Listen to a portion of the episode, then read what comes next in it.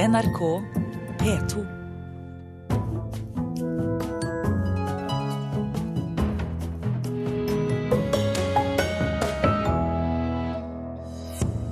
Synstolking for blinde må bli et krav til alle norske filmer, mener Blindeforbundet.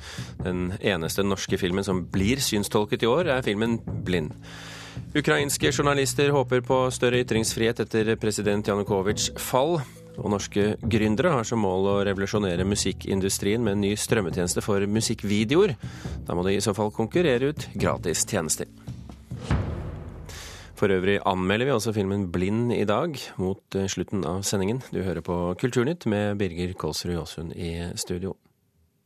Filmen 'Blind' er den eneste norske filmen som i år blir synstolket for blinde. Når et nytt program til smarttelefoner nå gjør synstolking på kino mye lettere, så krever Blindeforbundet at Kulturdepartementet setter strengere krav til norske filmskapere. Skulle ikke gjøre det her om det ikke betydde noe for deg, da. Nå har den synka. Nå synker han. Ja. På Ringen kino i Oslo blir den premiereklare filmen 'Blind' vist for et lite og nøye utvalgt publikum, utstyrt med smarttelefoner.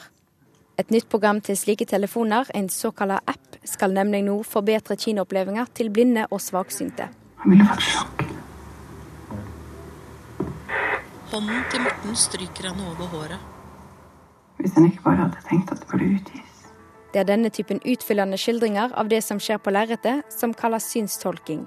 Ved hjelp av appen blir lydfylla med skildringene lasta ned til telefonen din, og blir synkronisert med filmen gjennom mikrofonen i mobilen. Dette er jo helt nytt og, og veldig, veldig banebrytende. Sier Sverre Fuglerud, interessepolitisk talsmann i Blindeforbundet, og sjøl synshemma. Nå kan vi gå på en kino sammen med hvem vi måtte ønske, akkurat når vi selv vil.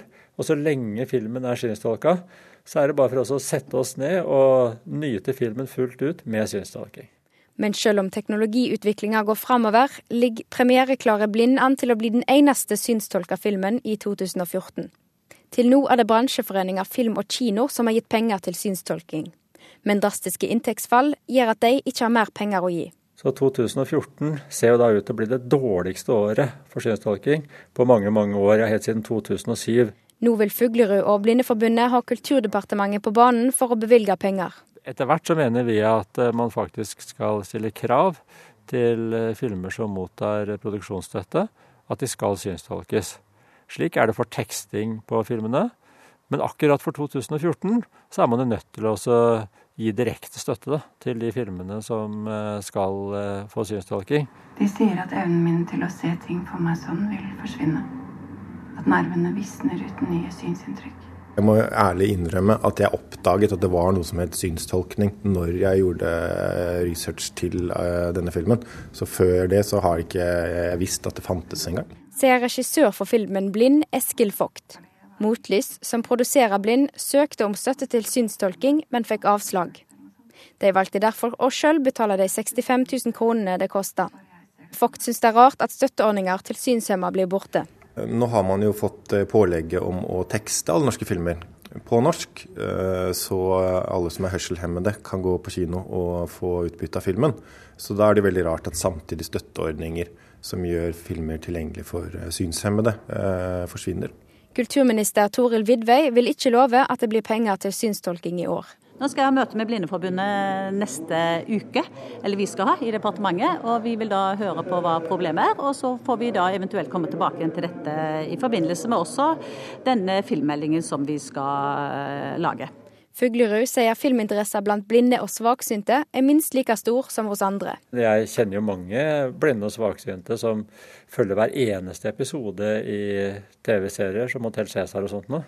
Så jeg tror vi er like ivrige på både film og, og TV-serier som det andre er. Ja, Det sa Sverre Fuglerud i Blindeforbundet. Reporter her det var Kristin Foland. Og mens blind synstolkes her i Norge, så blir den første svenske kinofilmen som synstolkes, filmen 'Jeg ser deg'.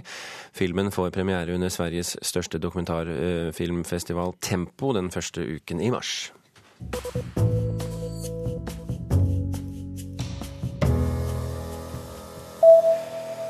I dag kåres vinneren av arkitektkonkurransen for minnesteder etter terrorangrepet 22.07. Vinneren får i oppdrag å lage to permanente minnesteder, ett ved Utøya og ett ved regjeringskvartalet. Men mange av konkurranseutkastene tar utgangspunkt i at Høyblokka i regjeringskvartalet bevares. Og Kim Skåra, president i Norske arkitekters landsforbund, sier til Klassekampen i dag at konkurransen burde ha vært utsatt til Høyblokkas skjebne var avklart. Og hvem som vinner minnestedkonkurransen blir klart etter klokken 11 i dag. Følg med på Dagsnytt og Alltid nyheter utover formiddagen, så får du med deg det. Hey Jude, don't make it bad.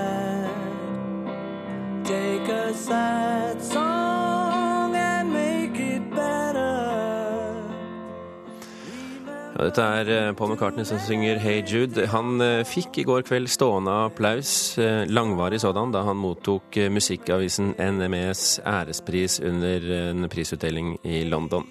Han fikk prisen for sine bidrag til popmusikken gjennom 50 år, og i takketalen sa McCartney at han ikke kunne forklare hvordan han har klart å skrive så mange populære popsanger. Flere tidligere NRK-profiler reagerer på banning i NRK. Einar Lunde sier til VG i dag at han er rystet over språkbruken ved sin gamle arbeidsplass. I dag skal Kringkastingsrådet behandle språkbruken i flere underholdningsprogrammer der ord som eh, faen i helvete, satan og festknull har blitt brukt. I et annet oppslag så skriver VG om Stortingets fy-ordliste. Der er det uparlamentarisk å si ting som løgn, bløff, visvas, tåketale og ikke minst kraftuttrykkene sauser det hele sammen og henger ikke på greip.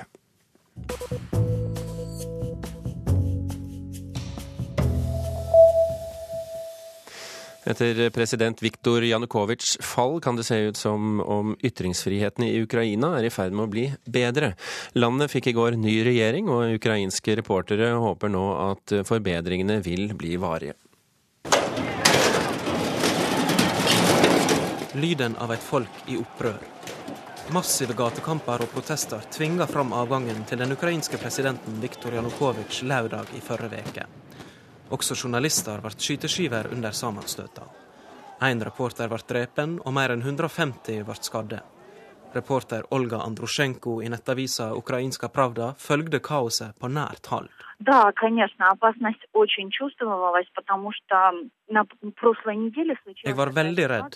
I forrige uke begynte politiet å patruljere. Da var det ikke OK å gå i gatene. Journalister på Maidanplassen ble fratatt kamera og annet utstyr for å hindre dem i å rapportere.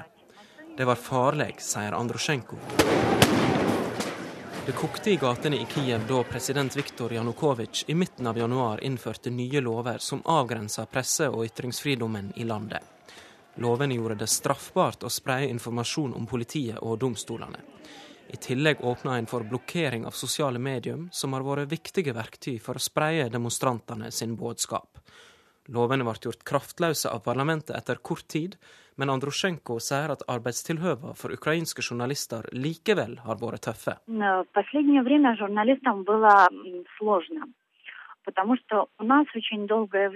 Vi har lenge kjent på at en del av TV-kanalene ikke har vært uavhengige. De har holdt tilbake informasjon, og de har rapportert om at demonstrantene har provosert.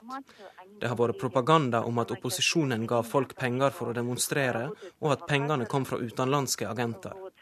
Men de har ikke fortalt at dette er vanlige folk som ikke lenger var nøgde med de som satt med makta, sier Androsjenko. Demonstrantene i Kiev gikk sigrende ut av kampen mot president Janukovitsj. Olga Androsjenko forteller at hun nå kan ytre seg fritt, og at mediene ikke lenger blir sensurerte. Men heller ikke hun vet hvordan situasjonen blir om noen måneder. Nå venter vi på mai. Først da vil vi se hvordan den nye regjeringa vil te seg, og hvordan dette landet blir.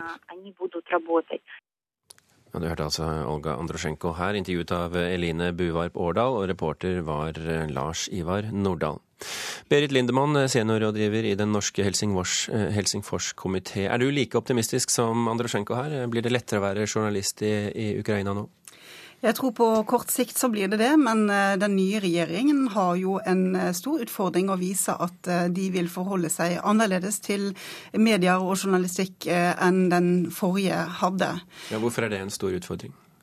Eh, jo, fordi at de har lagt eh, listen høyt. Eh, og så er jo bildet i Ukraina sammensatt. Det er jo ikke sånn at Janukovitsj satt og styrte alt dette fra toppen. My, mye av problemet i, i, Ukraina er at mediene har vært eid av oligarker eller helt ukjente mennesker i offshoreselskaper. og det har skapt en kontroll som ikke nødvendigvis har kommet fra Kiev, men som har vært lokalt basert.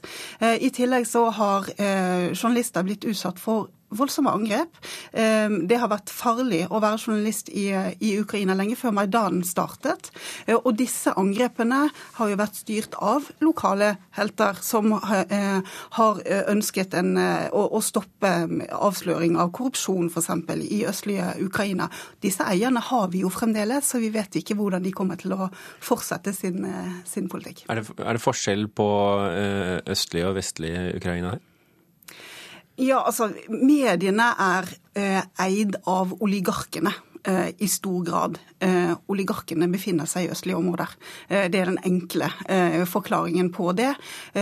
Og de er jo også de som har hatt mest å tape av medieavsløringer som har gått på korrupsjon, f.eks. Og denne kampen kommer jo også til å fortsette nå. Så, så, så Kiev, myndighetene i Kiev har et stort ansvar for å få ryddet opp i dette. Med tanke på hvordan den arabiske våren i hvert fall i stor grad har eh, bakfyrt, er det grunn til å tro at eh, optimismen kan vare i Ukraina òg? Jeg så et um, intervju med den nye statsministeren på, på BBC uh, i går, og der, der avsluttet han med å si 'velkommen til helvete'.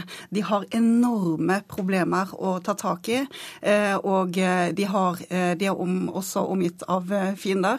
Så det skal jo mye til for å lykkes i å Eh, innfri forventningene fra eh, Maidan. Jeg tror akkurat nå, i denne begeistringens rus, så er eh, ønsket om å innfri stort. Men så kommer den, den, virkeligheten som de skal leve med fremover, og da tror jeg nok det skal bli vanskelig. Hvis vi skal være nøkterne, da, hva kan vi forvente av den nye regjeringen? Ja, altså um, nå er det sånn at un, Under Janukovic sin tid så har jo f.eks. internasjonale organisasjoner, OSSE, FN, Europarådet kommet med veldig klare anbefalinger for hvordan lovverk skal utbedres.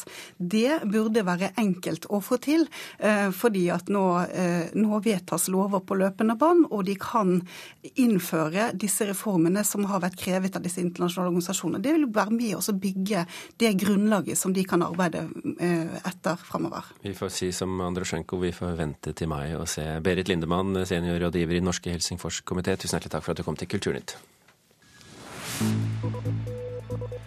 Klokken eh, er eh, drøyt kvart over åtte. Du hører på Kulturnytt, og dette er toppsaken i NRK Nyheter akkurat nå. Politiets sikkerhetstjeneste er bekymret. Islamister fra nye miljøer i Norge reiser til Syria for å slåss. Ny uro i Ukraina, har vi hørt. Væpnede menn har stormet offentlige bygg på Krimhalvøya. Og barn av eldre fedre, dvs. Si over 45 år, har større risiko for psykiske lidelser og atferdsforstyrrelser. Det viser en svensk-amerikansk undersøkelse. Operaen ville motbevise at sjangeren er død for alle under 30. Derfor var salen fullsatt av unge mennesker i går kveld. De var invitert spesielt til en festkveld av operaens ungdomsambassadører, som ville avlive en av de mest seiglivede mytene. At opera er kjedelig, det er blankt ut løgn. Det er ingenting som er så dramatisk og så heftig og så over the top som opera kan være.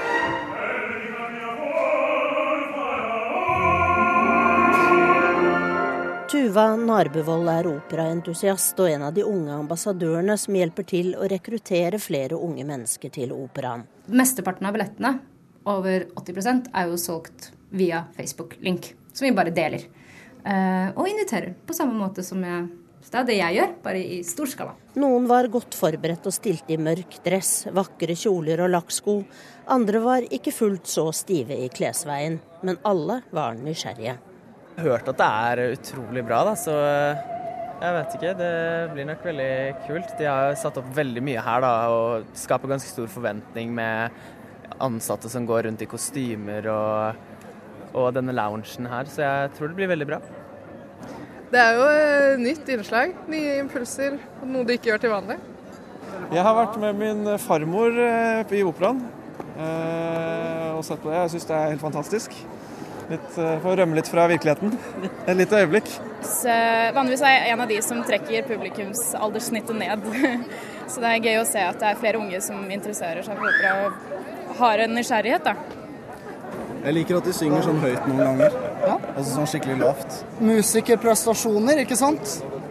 Det blir sikkert veldig kult. Uh, uansett om man klarer å henge med på historien og handlingen og karakterene eller ikke, så er det jo musikken og ikke minst det visuelle som også er en stor del av opplevelsen. Det har litt sånn stigma med å være veldig være veldig høytidelig og oppblåst, og ikke moderne og actionfylt, som vi er vant til i vår generasjon. For operasjef Per Boje Hansen var det en stor dag. Det er fantastisk å se 1000 ungdommer på operaen. På en vanlig onsdagsforestilling av La Bohème. Betyr det mye for operaen å bytte ut noen, noen grå hår med noen litt yngre voksne? Nei, Altså, Vi er veldig glad i folk med grått hår. Hvis ikke så sliter jeg litt sjøl.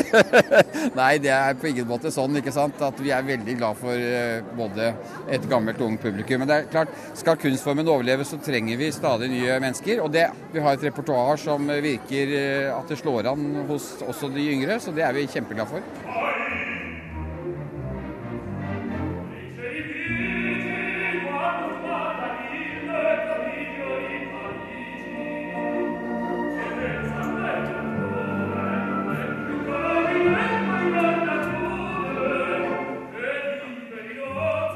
Reporter Tone Staude, som hadde vært på Puccinis opera La Bohème.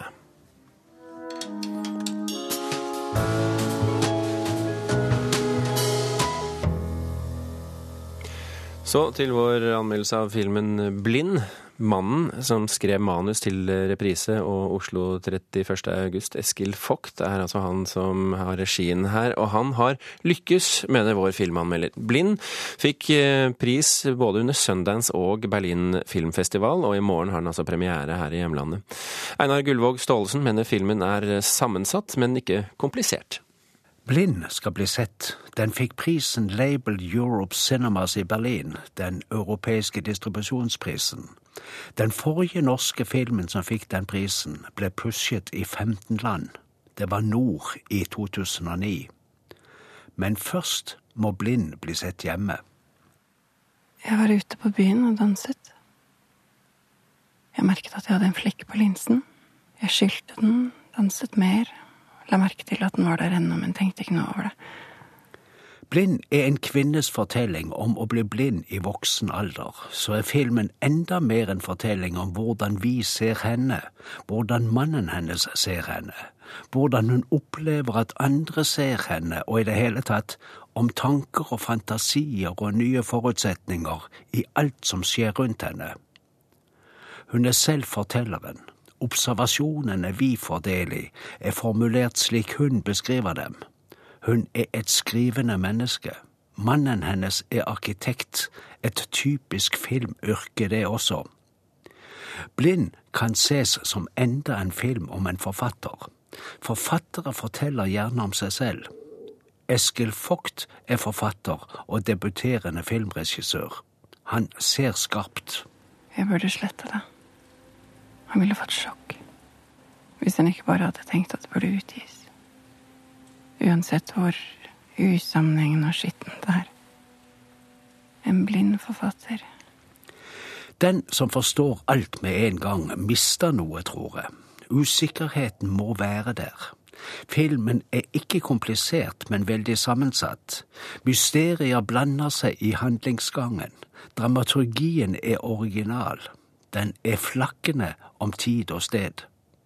Fortellingen er fortalt i riktig rekkefølge, men det meste som skjer, justeres eller farges av minner og påminnelser. Den originale formen er en kvalitet. Ellen Dorrit Pettersens tandre skikkelse er en annen kvalitet. Hun er troverdig, moderat sminket. Innendørshuden og tankene og famlingen hennes gir noe magisk til grekeren Timios Bakatakis sine bilder. Henrik Rafalsen har også sin beste rolle. Det er mye som gjør inntrykk, det er mye som er sterkt, og det er noe som er svakt. Du, du ser ikke dette engang? Hva da for noe? Lyset. Nei. Nei? Jeg setter sett av det på. det. Mm. ljuset av på. Diksjonen gjør oss for avhengige av den norske tekstingen. Det er heldigvis ikke samme ulempe for et publikum utenfor vårt språkområde. Noen roller skurrer. Særtrekk hos et par rollefigurer er så tydelige at personligheten mister nyanser. Det opplever man likt på alle språk.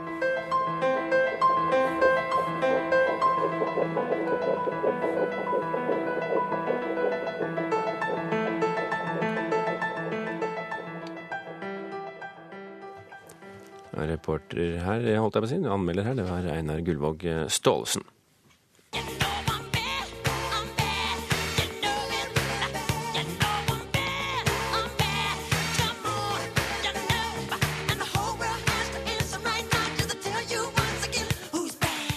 Bildene av Michael Jacksons Bad, der kongen av pop og danserne hans åler seg gjennom en T-banestasjon i New York, gjorde i sin tid uslettelig inntrykk på to unge norske MTV-seere. Nå har de blitt voksne og gründere, og setter seg høye mål med den nye strømmetjenesten Vidflow, som, som lanseres i dag.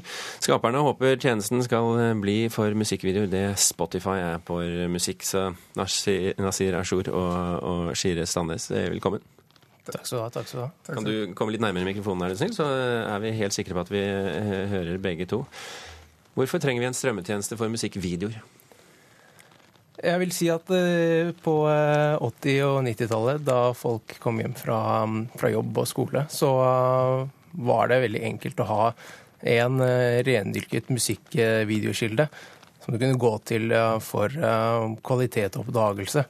Um, du satte på MTV etter jobb og skole, og nå er jo ikke MTV som det var. Og erstatningene som, uh, som har kommet på plass i etterkant av det, er uh, dessverre da ikke tilpasset musikk. De er ikke bygd for det og bærer preg av det, uh, føler vi. Så dere skal lage MTV, dere, rett og slett? Ja, jeg vil si en, en MTV 3,0 er det vi okay. Shire Standnes, i pressemeldingen deres så skriver dere tjenesten har som mål å endre musikkbransjen og måten vi konsumerer musikk på i fremtiden. Hvordan skal dere klare det? Ja, måten vi skal klare det på, er rett og slett som Nassi sier. Vi skal ta tilbake musikkvideoens plass i hverdagen. Som man sier Tidligere så hadde du da en kilde som faktisk bare leverte noe du stolte på. Et produkt du du slapp den tidkrevende jobben med å finne musikken selv. Det er redaktøregenskapen, nærmest? Riktig. Altså den, den redaksjonelle biten som går på eh, altså sette opp eh, lister, sette opp shows, eh, og rett og slett bare fjerne den tidkrevende jobben til brukeren ved å oppdage ny musikk. Så gjennom Vidflow så, så håper vi da, eller vi, vi tror på den kombinasjonen av menneskelig kuratering kombinert da med, med anbefalinger fra, basert på algoritmer. Da. For, for, dere har jo et problem, Nasir, og det er jo selvfølgelig at alle de videoene dere skal legge ut på deres tjeneste, de finner man gratis på YouTube. Problem og problem. Altså, jeg tror det ligger i måten man presenterer videoene.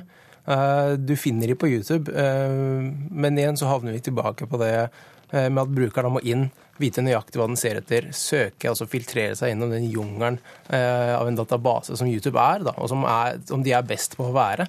Um, men eh, om du da er på utkikk etter eh, kvalitetsmusikkvideoer og setter på videoflow, så vil du få disse servert til deg personlig basert på dine preferanser, basert på en gitt sinnsstemning eller hvordan du føler deg et øyeblikk. Hvordan kommer dere til Du brukte ordet kuratere. Hvordan kommer dere til å kuratere disse videoene? Presentasjonen av dem? Nei, Vi har da først og fremst en redaksjon bestående av musikkeksperter. Som sitter da og lager eh, altså en eh, sammensetning av musikkvideoer. Eh, som da presenteres i ulike, ulike shows. Eh, sånn at eh, brukeren kan da, basert på preferansene som man legger inn da i tjenesten, de, de sjangerne som man liker, så kan man da enkelt finne de, de showsene som man prefererer, og som passer den sinnsstemningen som du da er i. Ja, og Et show eh, vil jo da være, som Shire nevner, en sammensetning av videoer. Og det er et konsept da, som kan være relatert til sjanger eller undersjanger. Eh, tid, eh, sinnsstemning er vi tilbake til. Og vi kommer også til å gjøre redaksjonelle samarbeid og håper på å kunne jobbe med de store radiokanalene og magasinene. Dere lanserer det altså i, i dag. Um, um, hva må til? Hvor mange brukere må dere ha før dere klarer å gjøre butikk av det? Um, vi vil jo ha dette som en uh, hovedkilde for musikkvideoer. Uh, før man klarer å gjøre butikk uh, av det, er et litt vanskelig spørsmål å svare på. Men vi vet jo at musikkvideoer er noe som er veldig populært. Det genererer veldig mye trafikk så fort kilden begynner å bli brukt. da. Vi får se uansett. Jeg ønsker dere lykke til, Nasir Ashur og Shire Standnes, eh, med deres eh, nye eh, Vidflow. Tusen hjertelig takk for at dere kom til Kulturnytt, som nå har tenkt til å runde av før Nyhetsmorgen fortsetter. Du har fått Kulturnytt levert i dag av Marianne Myrhol, Gjermund Jappé og med Birger Kolsrud Jåsund i studio.